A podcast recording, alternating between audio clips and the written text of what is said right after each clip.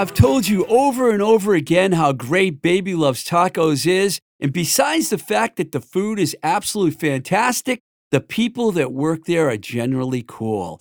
They have two wonderful locations in Pittsburgh, the main hub located at 4508 Liberty Avenue in the Bloomfield section of town, and their second location, Baby Loves Tacos, Oakland, located right smack in the middle of the University of Pittsburgh campus. Every college kid needs a burrito or at least two or three tacos a day to help them study, right?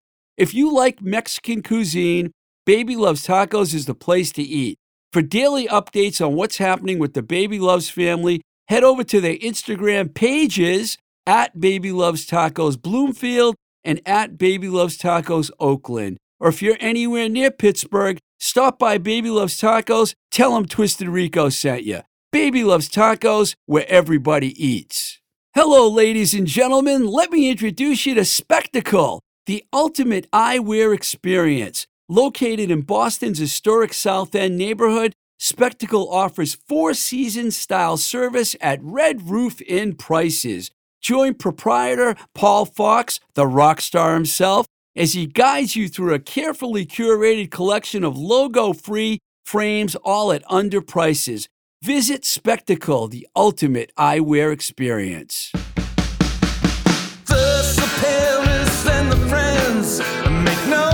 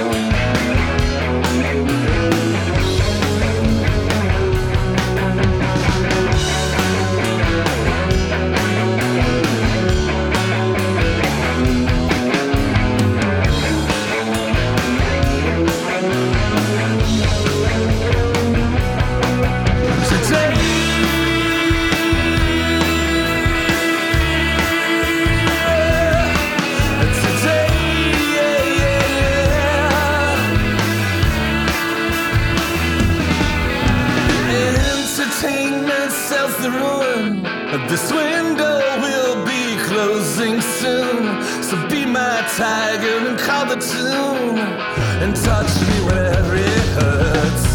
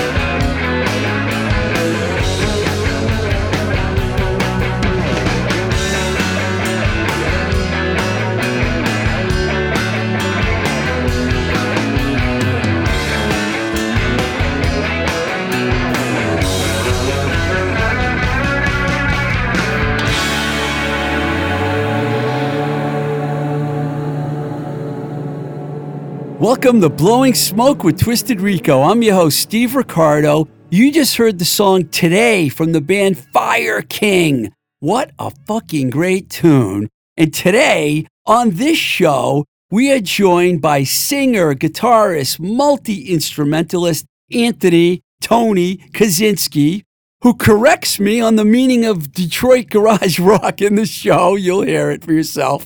He not only fronted Fire King, but also played in the 80s new wave band Figures on a Beach, who got signed by Seymour Stein to Sire Records. We talk about all that in the interview and much more. Also, it's a double whammy today. Joining us in the studio at the same time during the interview is famous rock photographer turned promoter JJ Gonson, who is coming back to the show to tell us what's happening in her world. She put on a bunch of great shows this summer here in Somerville that were fantastic, and she has a lot happening this fall and winter as well. And we're going to talk about all that. So it's kind of cool to have two guests on. And uh, the interview was really a lot of fun, and I, I can't wait for you to hear it. And that's what we're trying to do make every week special for you. We've been doing this for over two years, and the list of guests is getting long. Recently, we had Mark McKay from Slapshot, a bonus episode with Jack Shell from Baby Loves Tacos. Yes, we mix a little food in when we don't want to talk about music. Richie Parsons, a staple in Boston rock history, was here. Joe Nelson, the man who runs Trust Records. Frank Myers from the Street Walking Cheetahs. Lenny Lashley was on last week and played a song on the show. Drummer Chet Ferreira, Daisy Valentine, Chris Conway. The list goes on and on and on. You can find all those shows on Apple, Spotify, or wherever else you listen to their podcasts. And I highly recommend you check them out. I just want to tell you, I don't usually do this, but I got some big news for you. Next week, we have something very, very special. Al Barile and Jamie Sciarappa from the legendary Boston hardcore band SSD Control are coming right down here to Voice Motel and will be on the show. These guys started it all in Boston when it comes to not only hardcore, but straight edge. They're members of the original Boston crew, and that's going to be something. And I'm already excited for that. But hold on, hold on to your horses, because this week is pretty friggin' cool, too and we're just going to get right to it right now. This is a chat I had with Anthony Kaczynski and JJ Gonson. It's fun having you both here. And it's I'm very fun being excited. here. And um, uh, JJ, I'm going. I wanted to start with you for a minute because um, I know you've got things coming up in the fall, and you did an outstanding job with your Boynton Yards shows. I went to three of them. I was supposed to be at a fourth one. I was on my way to the Doom show, but I got sidetracked, which I was very upset about.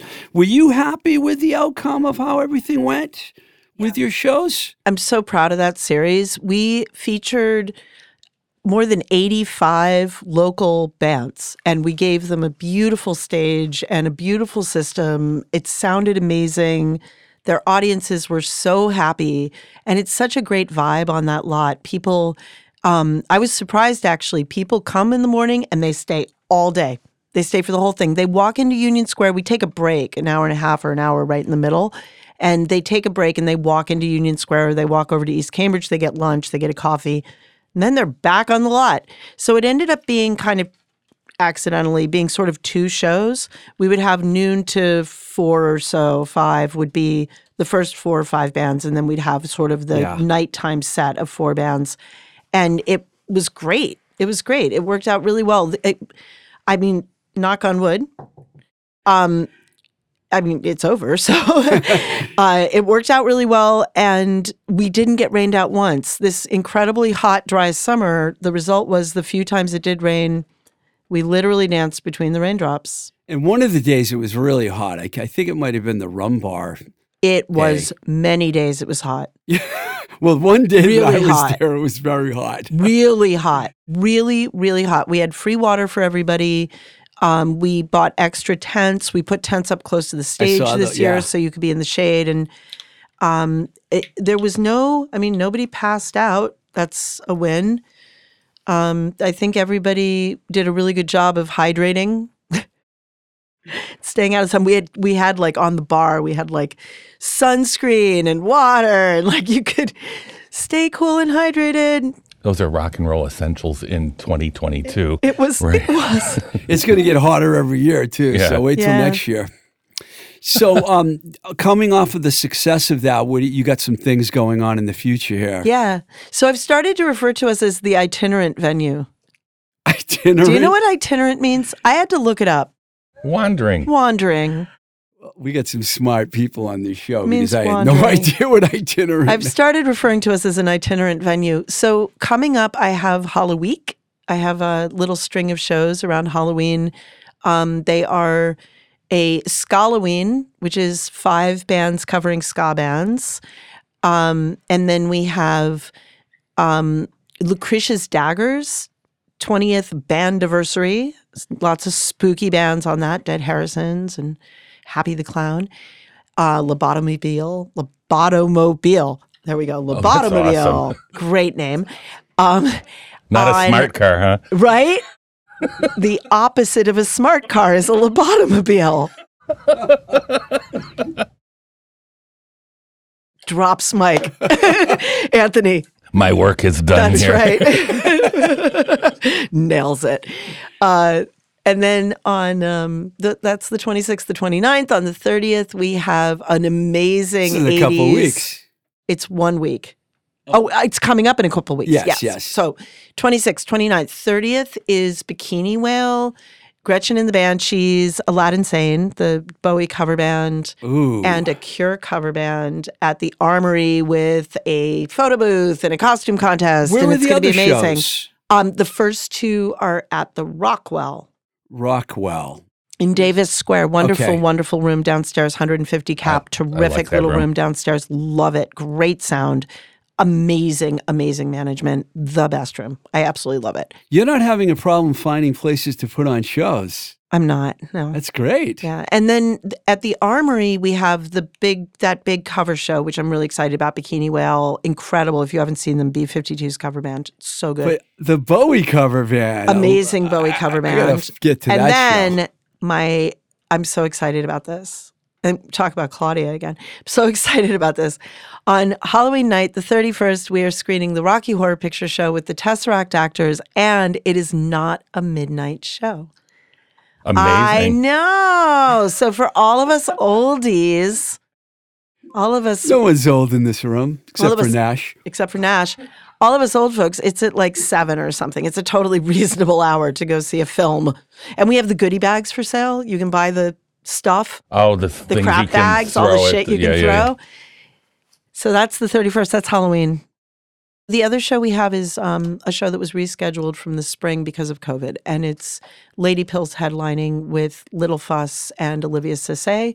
That is also at the Rockwell on the 23rd.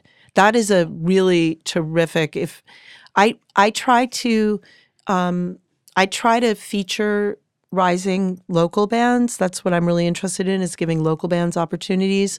Local bands are playing a ton right now, and we could go into that, but um, which is great. And that trio of local bands, if you haven't seen any of them, they're all terrific. Local Lady Boston Pills. bands. Yeah, local Boston area, Cambridge, Somerville.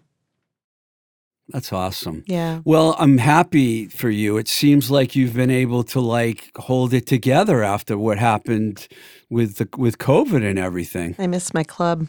Yeah, everybody does. That Place was a great space. fantastic. It was. RIP club. But you It's know, okay. It'll go down. It's what? It's better to burn out than fade away, Yeah, right? Exactly. It'll go down Exactly, in the Mrs. Young. Like, did you ever go to that place? It was only open for a minute, but It they was did so like great. Yeah. all this really amazing stuff. Mm-hmm. Mitski and Phoebe Bridgers played there. Clairo. Crazy. It was Clairo, crazy. you had Clairo? when she was Claire Cottrill. She was 14. we had, because it's that rising thing, right? That rising acts coming through a smaller space, which is so exciting. That's the thing I find the most mm-hmm. thrilling. You know, this is an interesting segue. I was going to save this for later. and We're going to talk about Anthony's great career, but you were from this area and then you lived in the Pacific Northwest and probably other places. I grew up in the Worcester area. I moved to LA and I lived all over the place. Anthony came here from Detroit Correct. and you stayed here. Yeah. Why are we all back here? I mean, this place is the best, right? It is. No? No, No, I'm, JJ's I'm shaking her sorry. head. I'm here because it's where my parents are. I'm here because my parents are here too. That's why I'm here. I'm here because I've developed deep ties in the musical community here, but it's also But also, this is your chosen home. You came here. We didn't come here. Yeah. We came back, yeah, and also which is really different. Well, my story is so longer than we have time for. I didn't choose Boston. It was it was sort of like a I can't stay in Detroit any longer. It was just um, circumstances were bad, and we'd hit a glass ceiling and figures on a beach and had to move, and an opportunity came to move, and you know a synth pop band picked the height of garage rock to move to Boston. Welcome. well, Detroit's even a more garage rock town than Boston Yeah, is. yeah, but we, we we stuck out there though. There's you know. a more garage rock town than Boston. Detroit's very garage rock. Oh my I God. think. Yeah. Is It's different. MC5 from Detroit? Yes, they are. That's better than garage rock. Yeah, I was gonna say I, I wouldn't call the Detroit How bands about- garage rock per No. se. Well, I'm talking wouldn't about either. the paybacks and the I don't call. Go-Go I think Girls they're and- rock and roll. I think Right. they're like Really? with a capital Right. R and a capital Okay. R. Right, You I'm know what I with mean? you. Like, I'm not going to argue And a about lowercase that. n. yeah, It's a good rock and roll town. very much so. Well, I'm with I'm you. surprised that you said that you uh, you you you wouldn't live here if you didn't have to. JJ. Am I going to get run out on a rail no, for this? No, I'm, I, I, I would I live- always wanted to be in Southern California. No, I, I would live back. in Portland, Oregon. I Port- would yeah, I would still great. be in Portland, Oregon if I could. I miss I- I made friends in Portland, Oregon. I was there for 10 years. It's where I feel like the th- it's it's the place that makes the most sense to me. So this place is so full of education and and thinking, which is great for people who are into it. I am not that kind of learner. I'm not that kind of person. I'm not a super ultra I mean here I am analyzing, right? But I'm not a super ultra analytical mind in that way. I'm much more of a creative person. I'm much more of a feeler and I feel that the West Coast s- mm. supported that better than the East Coast does where I feel like frequently I have to be unapologetic, which I which is not an acceptable thing for a woman to be. And I feel like that has to do with the fact that my particular touchy-feely style isn't like th- this area I feel is much more kind of rigid and businessy and academic and out there I can be much more like let's hug it out. Yeah, yeah, yeah. It wasn't It's- always like that here. I didn't, And I Boston's think, but- changed, Yeah, a lot. Well, Boston has changed and I still live in Boston. I, li- I live in Roxbury. And Yeah. it's just I've not I've never not lived in the city of Boston since I've been here, and I have I always seen- lived on this side of I, the river. I lived you in the South End for years and seeing the changes there. It's not the neighborhood I invested my heart in, you know. It's just the changes are too much. I feel that way about Somerville. I do. I don't. y- I do feel that way. So I grew up in Cambridge. I grew up in the city of Cambridge. I went back to the city of Cambridge. It's where my parents are. It's you know it's it's home, and it's changed. I, I used to I used to be like, oh, it's fine. It's just progress. Like this is what happens. Places change. The dinosaurs died. You know, like Right, right. things change. I don't feel that way anymore. I now feel like it's unethical. It is unethical. It's late stage vulture capitalism pushing anybody who's not making six uh, like uh, like a high six figures out of here. They Yeah. pushed me out to the suburbs. Yeah. I live near Worcester. So, Yeah. you You know. can't survive without special circumstances. Right. And those kinds of special circumstances are fewer and fewer. I have a landlord. I know my landlord. He cares about the fact that I maintain my space. It's a good relationship. The rent is very expensive, but not even close to what the market is becoming in Cambridge. And it's only because I'm local and I knew how to find How to negotiate Yeah. the territory. You gotta Yeah, you gotta yeah, know people. Yeah. Anthony, so let's go back to Detroit here. Let's. Um, you left Detroit in the early '80s. 85, you, You put an. EP out in '83. In Two- well, actually, three Figures EPs. on the Beach. we're Figures on the talking Beach. about, which was uh, I call them a new wave band, but if you don't call the Go-Go Girls garage rock and you call them rock and roll, you might have a different way to describe Right, Figures um, on the Beach. Figures on a beach. That Figures was on a uh, beach. uh. Did I say the? Yeah. You've never so had to just- correct anybody ever before. Can you tell that? that was the I first time, a Rico. beach written here. Yeah, I sure you do. be- I do. So we were, uh, you know, we in Detroit we were popular enough where we had an acronym where people would call us FOAB. F-O-A-B. Are you going to see FOAB? I'd Did hear they, that. Did they ever call you FOAB? Yes. And fish on a bun. What's really exciting is before you even left Detroit, Don Was Yeah. produced a song for Called you guys. Breathless What was that- that like? Um, it was awesome. You know, he that was in his Was Not Was days. So and uh, they had a studio. Why am I blanking on the studio? It was it was on the west side of Detroit. And what I also remember about it was like I pulled up to the studio and two gentlemen who worked at the studio came out and they said and there was a pack of cigarettes on my dashboard and they said take those off you don't want to leave anything in the car detroit was like crazy you know Yeah, oh, yeah. but the studio was great and what i also remember about recording breathless with him is that john sinclair came by the No studio way. and i thought oh my Cool. god this session has been blessed you know it was wonderful wow. um, and Don is a really good person. And the fact that, you know, he wound up having the career he had, I mean, he runs Blue Note Records now. It's crazy. That's incredible. It's crazy. He's produced so many people I know. too. I know. Um, you moved to Boston in '85, as you said, and you were signed soon thereafter by the great Seymour Yes, Stein, who there's signed, you know, the Ramones and Madonna, There's a story about that, too, is that we were playing The Rat on, I want to say September 11th, 1986. And days before cell phones, right? And Yeah. I get a phone call during sound check at The Rat. And I think this has got to be like an emergency, right? Like the poolside thing? Sir, there's a call for you. was kind it of, a, sort of. the payphone? No, it was like in the office Jimmy or whatever. They said, can, "Can you can you go take this call?" And I go, "Okay." And on the other end, it's like, "This is Seymour Stein. Welcome to Sire Records." I was like, "Holy shit!" and then we went out and played the worst gig imaginable. We were so uh, so he know, wasn't there. No, he called, but we left the next day and started recording. Was your goes, "Come to lawyer New York." negotiating a deal for you while this No. was going on? No, no, no, So no. you weren't really signed yet. He No, just told no, you he he just said you're- yeah, you. yeah. Wow, that's pretty cool. Yeah, we did this all with Ivan Ivan, who was like a club DJ Oh, at yeah, the time. yeah, he's famous. Yeah. yeah. So, So when you came to Boston, were you embraced by the Boston people? I embraced people in Boston, but I don't know that we were necessarily welcomed with open arms. That's not like a slag. It's what what I was saying. We weren't the we, we were interlopers, and also like we'd already done all these records. We were in a different. But in Portland, they would have been like, hey, Yeah, come yeah. play with us. yeah, we had trouble getting gigs.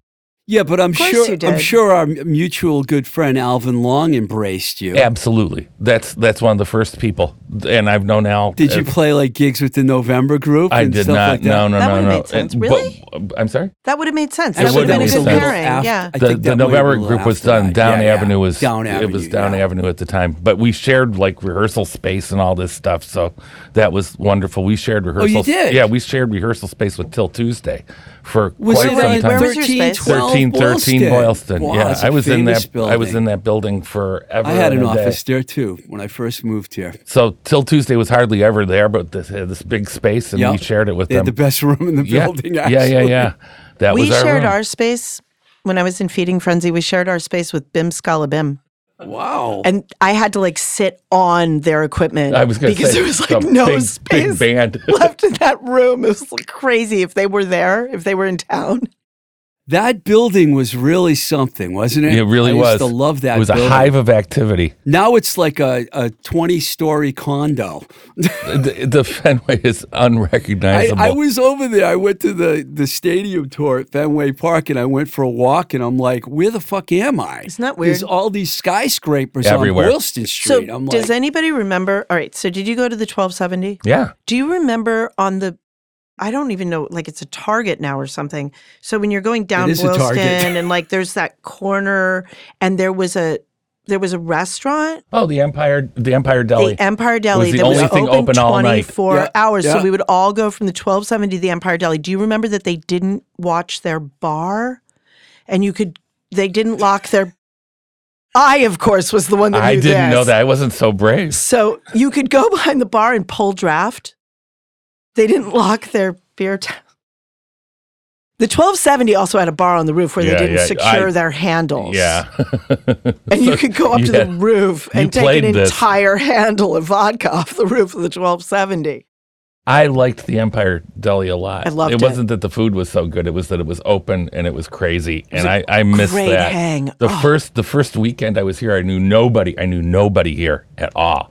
that And neighborhood I- wasn't really that safe. it wasn't, and I wa- I was living on in this. What are you in, saying? I was living in I was living in a It's hovel on. Revere Street in Beacon Hill. It was a hovel. It was just like terrible, and I thought, what have I done? Because I was living in a beautiful apartment in Detroit, which was very reasonable, and there's this whole area behind where Bookies was um, called Palmer Park that had all these apartments that were designed for GE executives, and there are all these beautiful Art Deco apartments. So at one point we had four of the five members of Figures on a Beach all living on the same street, which was insane. That's you know, cool. but we all had swanky places, you know, yeah.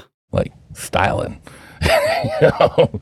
And, and then I came here and it was like, oh my God, I'm in a hovel in Beacon Hill. I could walk to Buzzies, you know. Oh, Buzzies. R.I.P. Buzzies.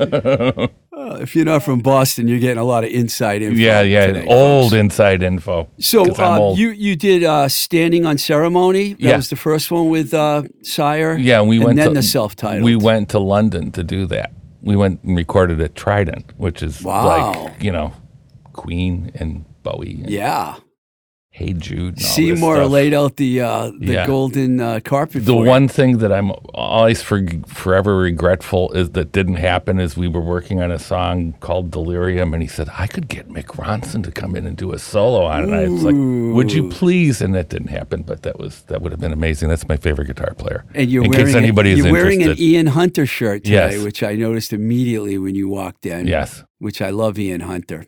I saw the Hunter Ronson band in L.A. in '89. Mm-hmm. I saw them several times over. Yeah. Yeah. Well, I'm, I'm sorry that didn't t-shirt. happen. No, that would have been nice. JJ's, uh, well, I'm not going to say she's undressing, but she did lift one shirt up to show us uh, Home Tape is Killing Music. Now, that shirt's probably worth money.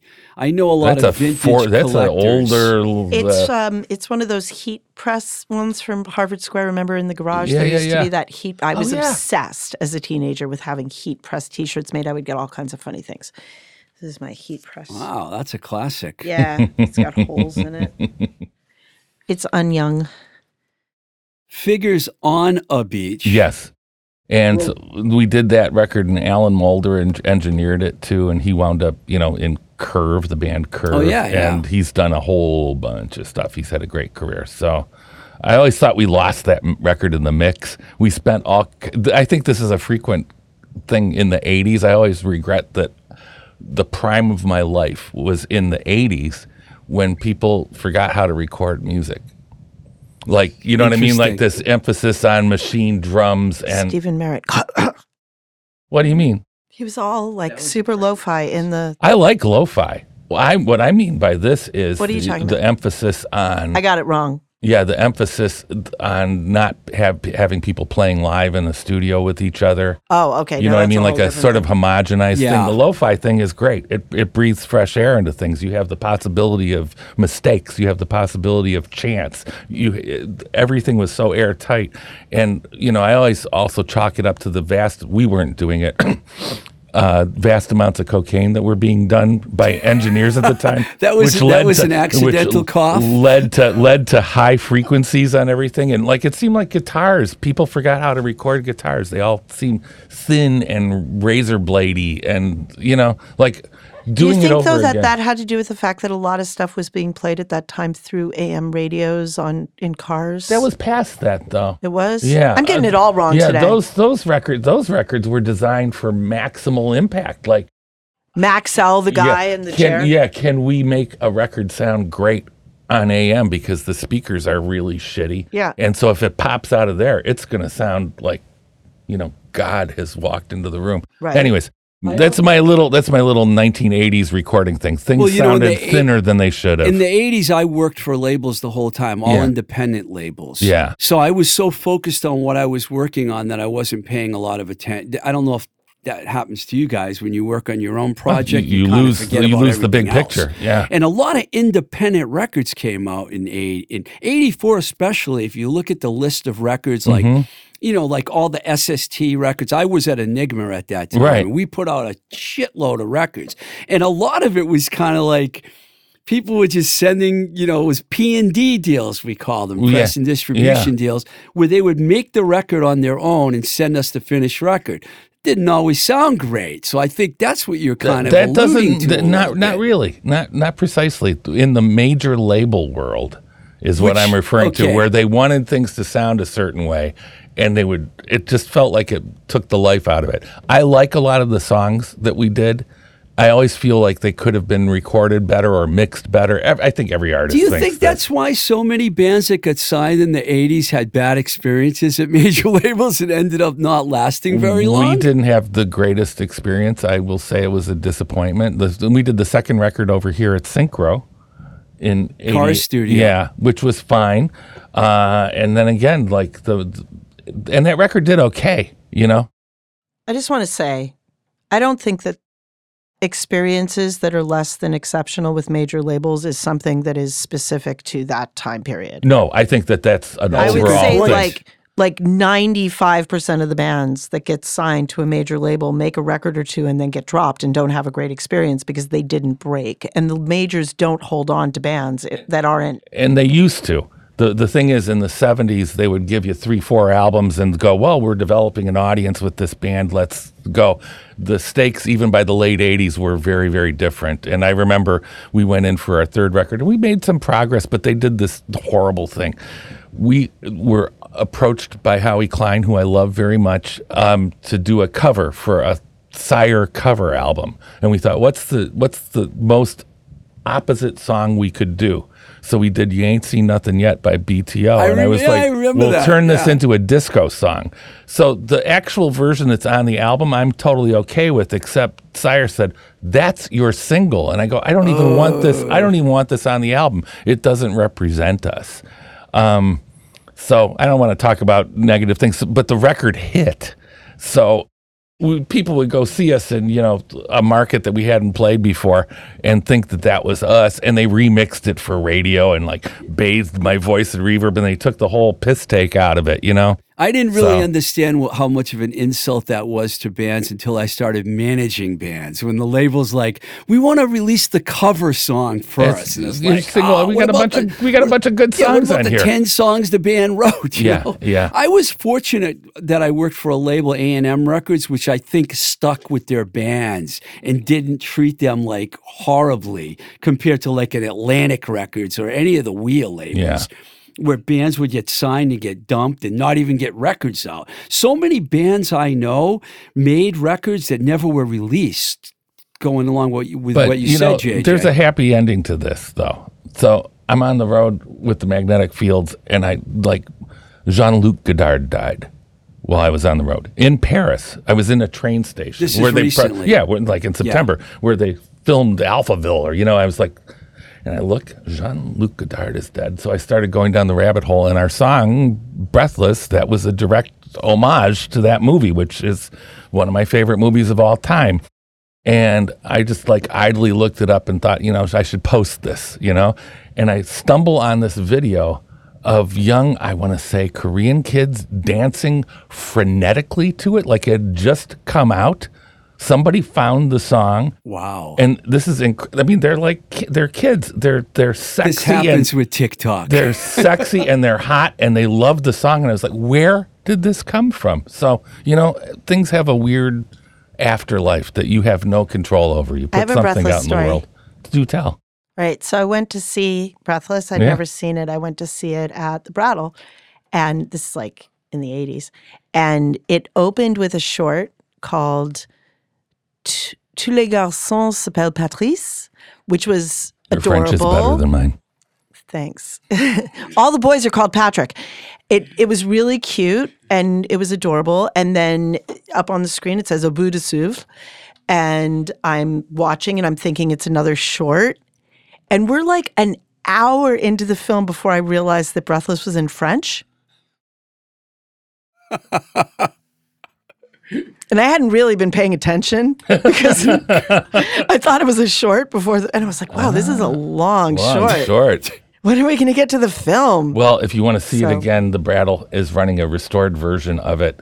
I think on the 11th through the 13th with Band of Outsiders, and I'm tempted. I've uh, seen both let's of go. those. I've seen both of those. Let's go. We could have dinner first Yeah. in Harvard Square. We can go to Starbucks happy or I, Pete's. so happy I have you two here together making plans. It's Right. cool, right? so I haven't what? Okay, you want to take the interview over, please? Be my guest.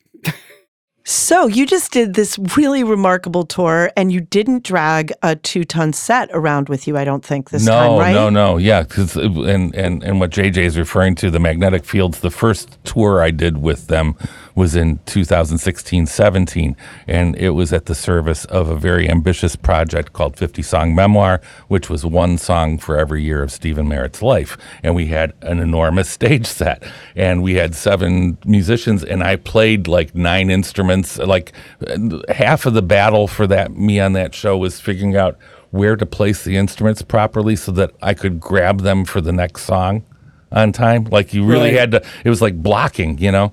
So this this is very different. This is a five piece band. We played songs from all over the catalog, which was great. Um, do like a thirty one song set, and it's Stephin and Sam Davol on cello, Shirley Simms, my forty two year old, not forty two year old, he's older than that. So my forty two year friend Chris Ewen, who was also in Figures on a Beach and Future Bible Heroes, which is how I got into this whole Michigash to begin with. So. The Magnetic Fields are one of several bands in the House of Tomorrow catalog, and there's uh there's five, four, five Gothic Archies, the sixth the sixths.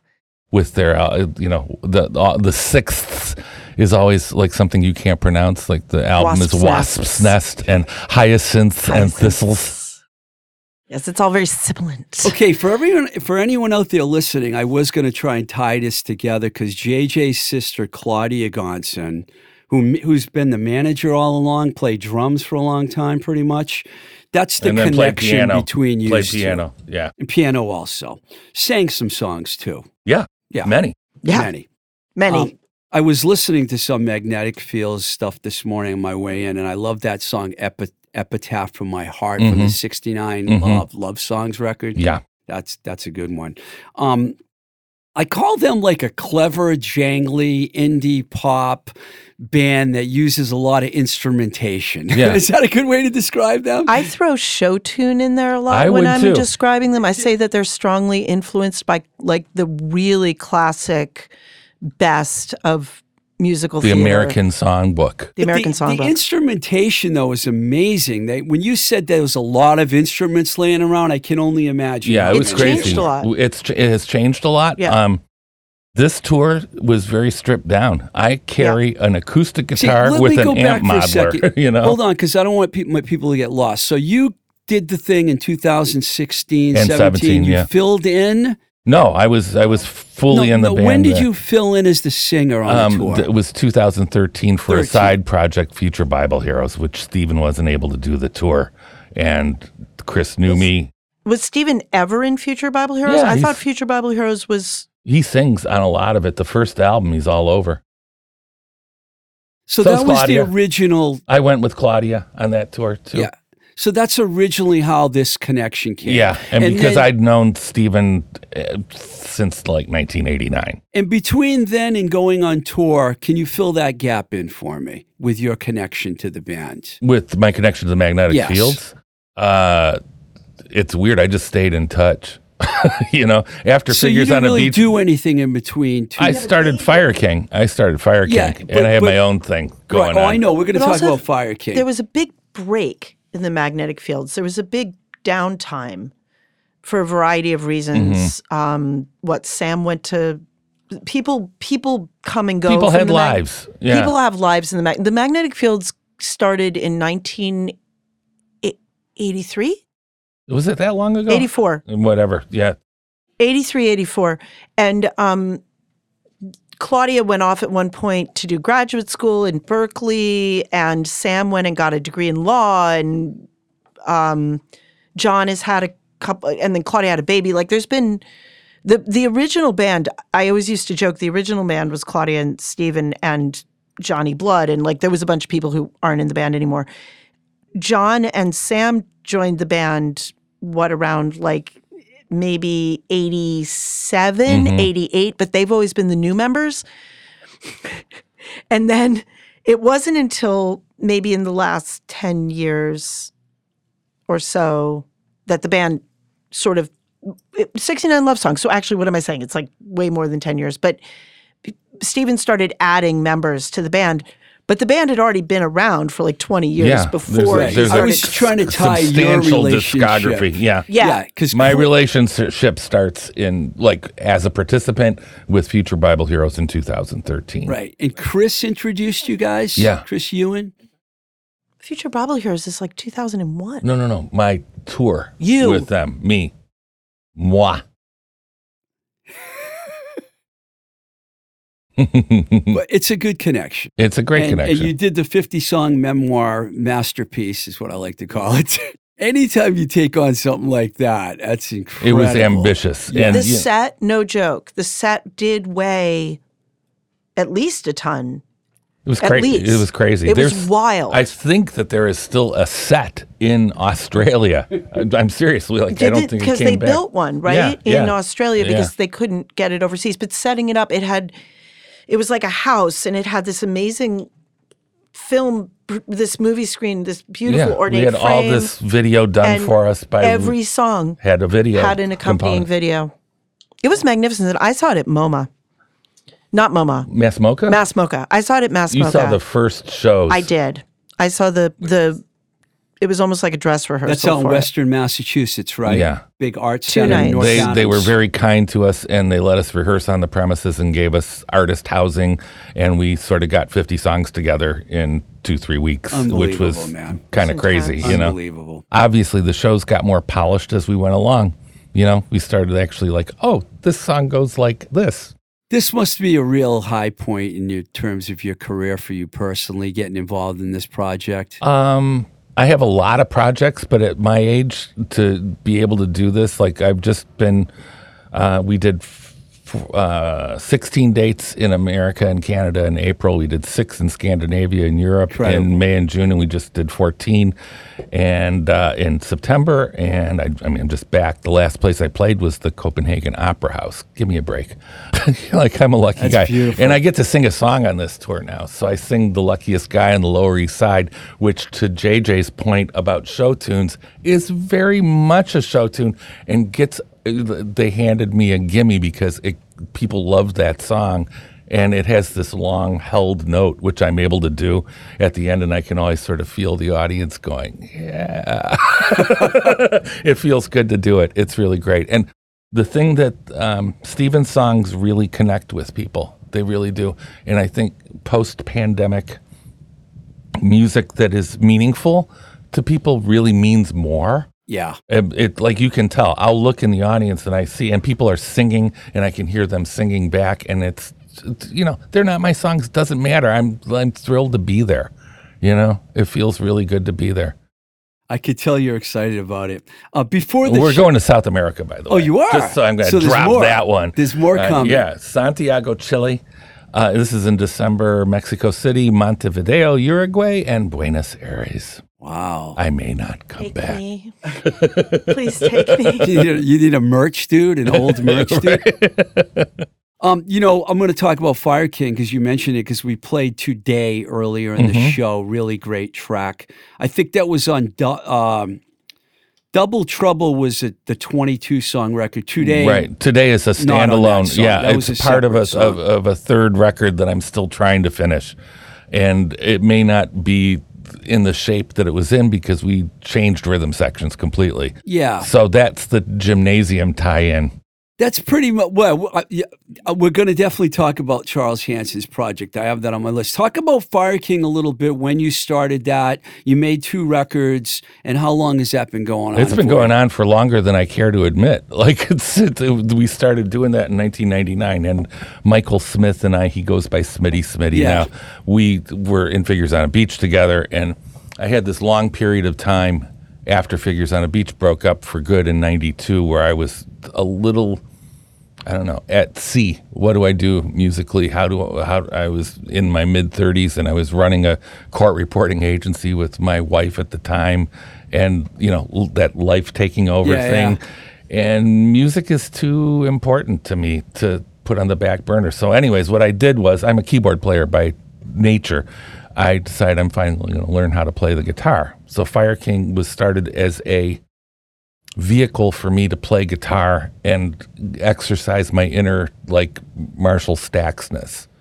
It was Nice. very, you know, that's the whole idea, and it's evolved quite You've a bit. been embraced by the Boston. This is the point I wanted to actually circle back. Like when we got here in '85, it wasn't like hostility, but there wasn't an open embrace. And I think the perception when we got signed so quick was like, who are these guys? How did they do that? But we'd been working really hard just in another city. Everybody who's still around from those days is like a dear friend now. So I wound That's up, you know, I sort of wound up recommitting to music in 2010 where I said, you know, I was getting divorced. My father died. My, you know, life stuff happening, and I thought, you know, you got one life, and maybe you should actually live it the way you want to live it. So I started really plugging in. So before that, Fire King did a record. It was just the two of us. We would play occasionally, and then we picked up a, a bass player, Drew Morrison, who I love dearly. He lives in in London, Ontario now, um, and he was not uh, a rock scene guy. I, I met him playing pickup basketball, and we bonded over a shared love of Guided by Voices. Oh, uh, and that's he said, "I've played bass," and I was, uh, and I was like, "Let's go." And he he started very. Um, to the point, you know, he could play, but as an ideas person, he sort of evolved. And if you listen to him play on today, his bass line is awesome, and that was him. So it was it was a treat to watch him grow. And then he moved. So I started singing in gymnasium, and they have a great rhythm section. John Sheeran on bass, Jonathan Scrency on drums, and I remember singing. I we do gigs sometimes where I was like singing in gymnasium and then playing Fire King, which was weird. It's like two different bands, but the songs are so different it doesn't matter. And I remember thinking, "Gosh, these guys can play," you know. This is Charles Hanson's project Yeah, for yeah. people out there that don't know. Uh, we're actually going to play Atlantic Sky at the yeah. end of the So interview. I sang like he's got a 22 song. you don't sang on that song. Yeah, yeah. Um, there's a great new record by Gymnasium. I'm 20 I'm something songs. 22 songs, just like Double Trouble. It's sort of funny. Uh, I only do double albums, um, and I sing on seven of the 22. There, but it's like it's That's an awesome. all star. Yeah, but Stephin's got you because he does triple albums. Yeah, he does. He does five LP sets. Quadruple? Fifty Is song memoir Was is five? Yeah, five albums. They're short. Yeah, 'cause w- it's ten yeah. songs. an When's your album. box set coming out? Uh, I'm still working. The retrospective. yeah, So, is there going to be any live shows with Gymnasium? Do you do that a lot? I, or you know, I this is my perfect moment uh, in in a perfect world thing. I would get everybody together. I don't know if Charles can organize it because there's a lot of singers. You got John Powhida and Mike Gent and Chris Cody and Peter Moore, et cetera, et cetera, and down the line. Um, I think it would be great to do it as a one night like extravaganza. I wanna book whole- that. I was just gonna say. I got the right person. That's my here. show. I Yeah. just That is was my going to show. say once needs to promote this, and she Yeah, beat me I, to it. I had thought Damn of it. you immediately on this. So the question, so maybe this will, will At the Rockwell. yeah, this will this will bump it up because the the band is incredible. This is why I bring people together so we So- can get shows happening and get events So happening. the the tie-in here is that Jonathan Scruncy and John Sheeran are also now the rhythm section in Fire King. So there's this Oh, weird like you know, and so we've done shows. They're well, great. Charles has another band too, so I'm sure he does. And then that, uh, and then there's another band that is taking on a life of its own that I'm in with Charles, called the Handymen. Yes! And we do covers. Mighty, mighty band. We do covers three third third Friday of every month at the Why don't Plow. I get that excited? And it, it's taken on a life of its own. It's it's awesome. I mean, I hear, I've been hearing a lot about it. I have sung uh, with a straight face forever in blue jeans with this band. Okay, we have we've had we had that a couple of times in the lounge, yeah. the old ones. Oh, I and remember, It yeah. was So the magnificent. the plow gigs have turned into something th- uh, that I think Can is even kind of get in? special. You can get in, but All it's right. it can be tight. Third Thursday. No, third Friday of every month. So we Friday. got one coming up on the twenty first, and the it, it it the membership changes, but it's usually Ji- you know Jim Janota always plays drums. So Chris Cody. so great, Chris Cody. And sometimes I sing, sometimes Peter Moore sings, sometimes Peter Moore. Peter Moore, me and Chris Cody sing, Melissa Gibbs sings, Charles plays, uh, Chris Blue on guitar, Jim Haggerty on bass. The band is All-star phenomenal. collaboration. And so we will we will attempt to do, do these songs that Charles pulls out of a hat every month.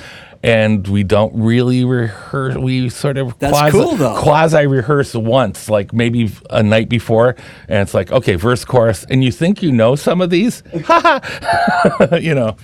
So it's, but they're really fun. That is awesome, And the man. the tie-in here that actually works with the magnetic fields is like in August before I left. Charles always gives me these impossible songs, but we, we did something in the air by Thunderclap Newman, which is oh, like oh yeah, it's a classic. and I played piano and sang it. Yeah. And of course, the song starts off high and then it modulates another key and then it has that crazy piano breakdown which I learned and then it modulates again. So, fast forward a month um, we're in Dorset, England, at with the Magnetic Fields at the End of the Road Festival, which was great. And like like I could hear the Pixies playing while we were playing, like like they bled through our set. But um, during the day, they would have this little stage, like called a secret stage, and they would bring uh, various acts. And Stephin chose me to do his secret show, four songs three magnetic field songs and they said do a cover.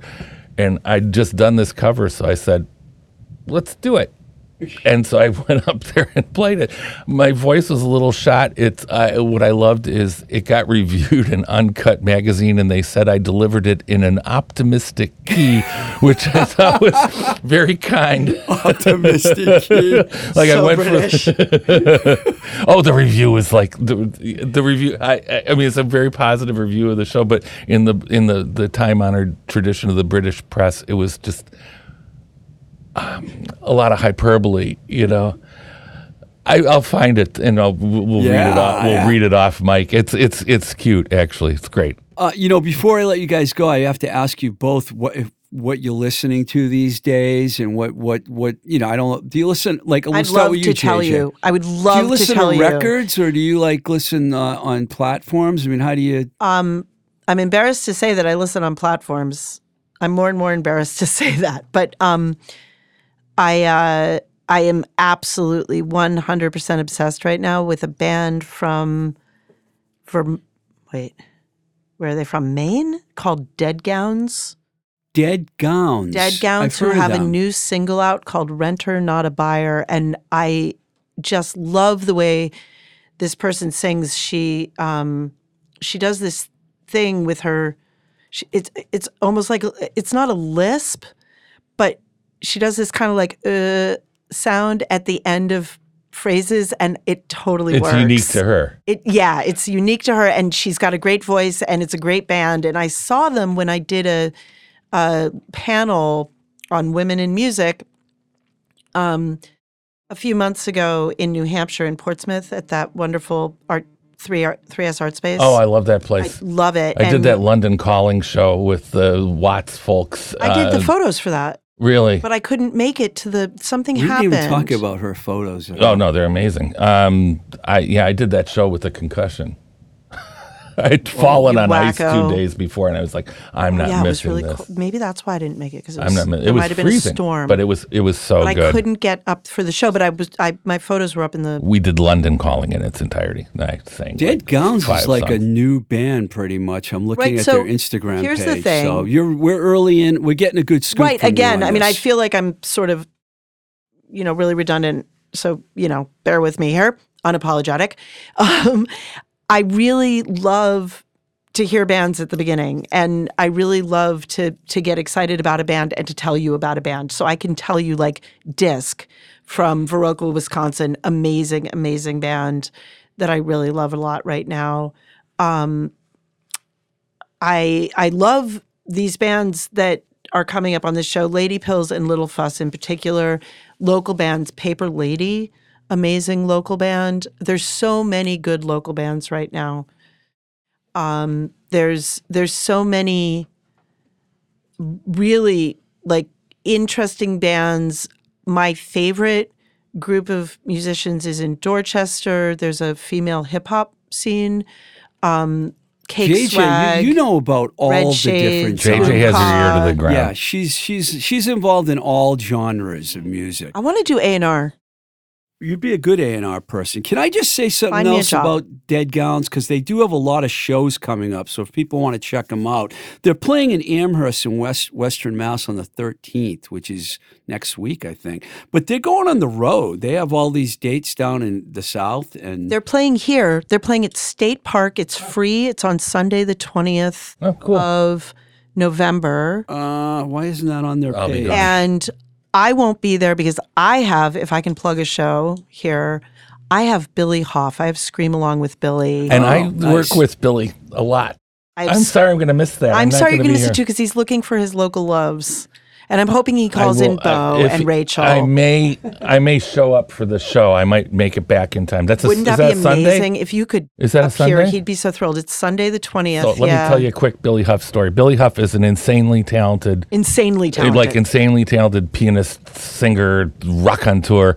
Unbelievable. uh, and he lives in Provincetown, and he does this thing called Scream Along with Billy on Fridays, and has done it for many, many He's years. from Alabama originally. Yeah, you know, which him is and his like- brothers had another band. The- Garage the gra- bands. The, The Garage, Garage Dogs. Dogs. The Garage Dogs. I used to go see the Yeah. Garage Dogs. World and they of were Shit Fun. was World the of Shit. Yeah. They'll They're- be they're from Mobile, Alabama. Believe They'll it be or not. playing at that Yep. show on November 20th. He will definitely have the brothers there. They will definitely play I World love of those Shit. guys. So Scream Along with Billy is him and and uh, and Sue Goldberg playing bass, basically with guests. Sometimes they've had like Gordon Gano from the Violent Femmes. I've Nice. done them.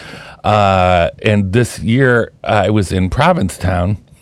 I go every year and take a vacation there. Like I was there for a week. We were between gigs, and my partner Rachel and I went to see Billy play. Uh, he plays every night of the week. He does a piano bar thing. He lives too. out there, Yeah, right? yeah, Yeah. yeah. So he walks up to me. And he goes, "So we can't make the show this this this uh, Friday. Do you want to when we're doing Bowie?" You did Bowie? I Yeah. heard it went great. It, w- what's amazing is I didn't have one piece of equipment with me. So I wound up playing his friend's flying V guitar. And like, you know, like I'm playing, I didn't even have a pick. I had to borrow picks. And we did one half rehearsal, but you know, I know those songs, but we did ambitious stuff. like, it's- and he can play, he can play like Mike Garson. Like he's got that ability Yeah, yeah. to play piano like that. And Bowie songs are like in both of our DNA. And I think we pulled it out really well. I guess sang Lady Grinning Soul, you know, that's like, you know. November 20th, if you do hit the ground, he's doing Let It Bleed. And you know Oh, all I know. those songs. I've done. I, we did. We did. We did one in 2018 in Providence. Uh, Providence. Provincetown. Sticky beggars bleed on Main Street. so you've the got idea. this. Yeah. You could totally f- hit the ground for Let It. Bleed. Yeah. And I, I, yeah, th- th- I could go on about that show. John Waters was in the audience. He's always like- in the audience. what are you I What are it's you listening to these days before we cut out here? I listen to a wide variety of music. I listen to a lot of jazz, not in like I listen to a lot of. Uh, well, the thing I listened to this morning was the soundtrack from Uptight, a movie I saw yesterday that has emotionally rocked me. Booker T and the MGs did the soundtrack to it. nice. The Brattle had it. Uh, it's an unforgettable movie about race and being black in America that came out right on the heels of the King assassination. Nobody's ever really seen it. I, I I'm, I'm feeling like crying from watching it. It was it was profound. It really was, Eh, and it's filmed mostly in Cleveland, which is also completely Yeah. awesome. I mean, my Rust Belt affinity comes out in a big way there. So that was actually a profound thing. And I listened to you talked about platforms. I listen on CD and I listen on vinyl. Awesome. I only listen to streaming if I have to learn something that I don't have the record to. You're so much cooler than me. I just try to book the bands. I'll pay the bands for playing live. There you go. We need that. And then I'll steal their We music on the internet. And I want to plug a couple shows too. Oh, if we can do please. it. So, and anybody who knows me will know that my favorite band is Guided by Voices. And um, Garrett from Speed Fossil asked me after a Fire King gig, "Do you want to do this like a one-off called Guided by Choices, and we'll let you sing? You can be Bob Pollard, and I want to take you off guitar so you can just sing." And so we are doing a Guided by Choices show at the Worthen in Lowell on October. Lowell. Lowell. Wow. Hot spot for music these Yes, days. it is. Uh. October October twenty eighth. So Okay. after my cursory trip to Jack Kerouac's grave, I will be singing Guided by Voices songs. Um, the Handyman this uh, October twenty first at the Plough and the Stars In Cambridge, Massachusetts. Yes, and then I play uh, guitar in Black Souls, which is Cam and Kim Oh, Ackland's they're gonna band. play? Yeah, we're playing on the 29th at the Jungle. Oh. early set, Oh, early I set. love Cam. Yeah, yeah, it's the best. I love them and, both, And, no, actually. no, it's a fun band. It's like Yes. Pete Sutton and Dave DeSimone, and you know we get to, we get Shout to out to Cam. yeah Kim, Cam was on the Cam show. and Kim. yeah Cam and Kim. Shout out. Thank Shout you both. out. Thank you both for coming on. It was a lot of fun. Thank you, Appreciate Steve. it. Thanks for having us. Yeah, you rock.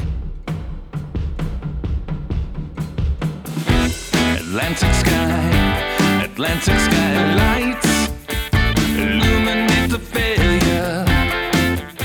Instead, foretold the tragedy.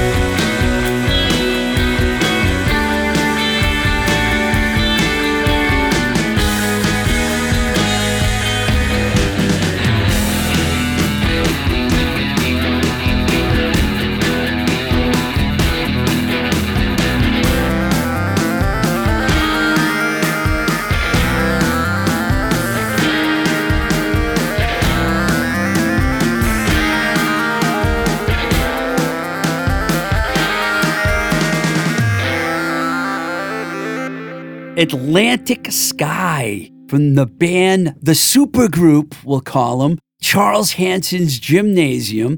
The song's called Atlantic Sky, and it featured our guests from today, Anthony Tony Kaczynski.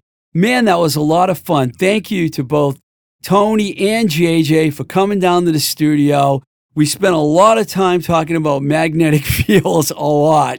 So I hope you enjoyed that. That was just a, a fun time. And that's what we're trying to do bring the fun every week. And if you're enjoying this podcast, you can follow us all over social media at Blowing Smoke with TR on Instagram. There's a Facebook page, there's a Twitter page at Blowing Smoke BS, there's a YouTube page, and my favorite these days is the TikTok page, which is at Twisted Rico. You can email me anytime at twistedrico at gmail.com. You can send me music there, ask me questions, whatever. I check it every day.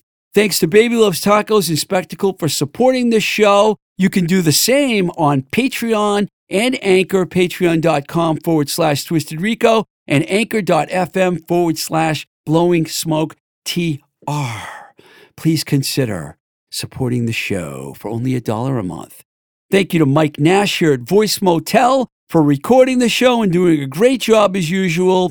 Until the next time we say goodbye, this is Blowing Smoke with Twisted Rico. I'm your host, Steve Ricardo. Keep the rock and roll alive.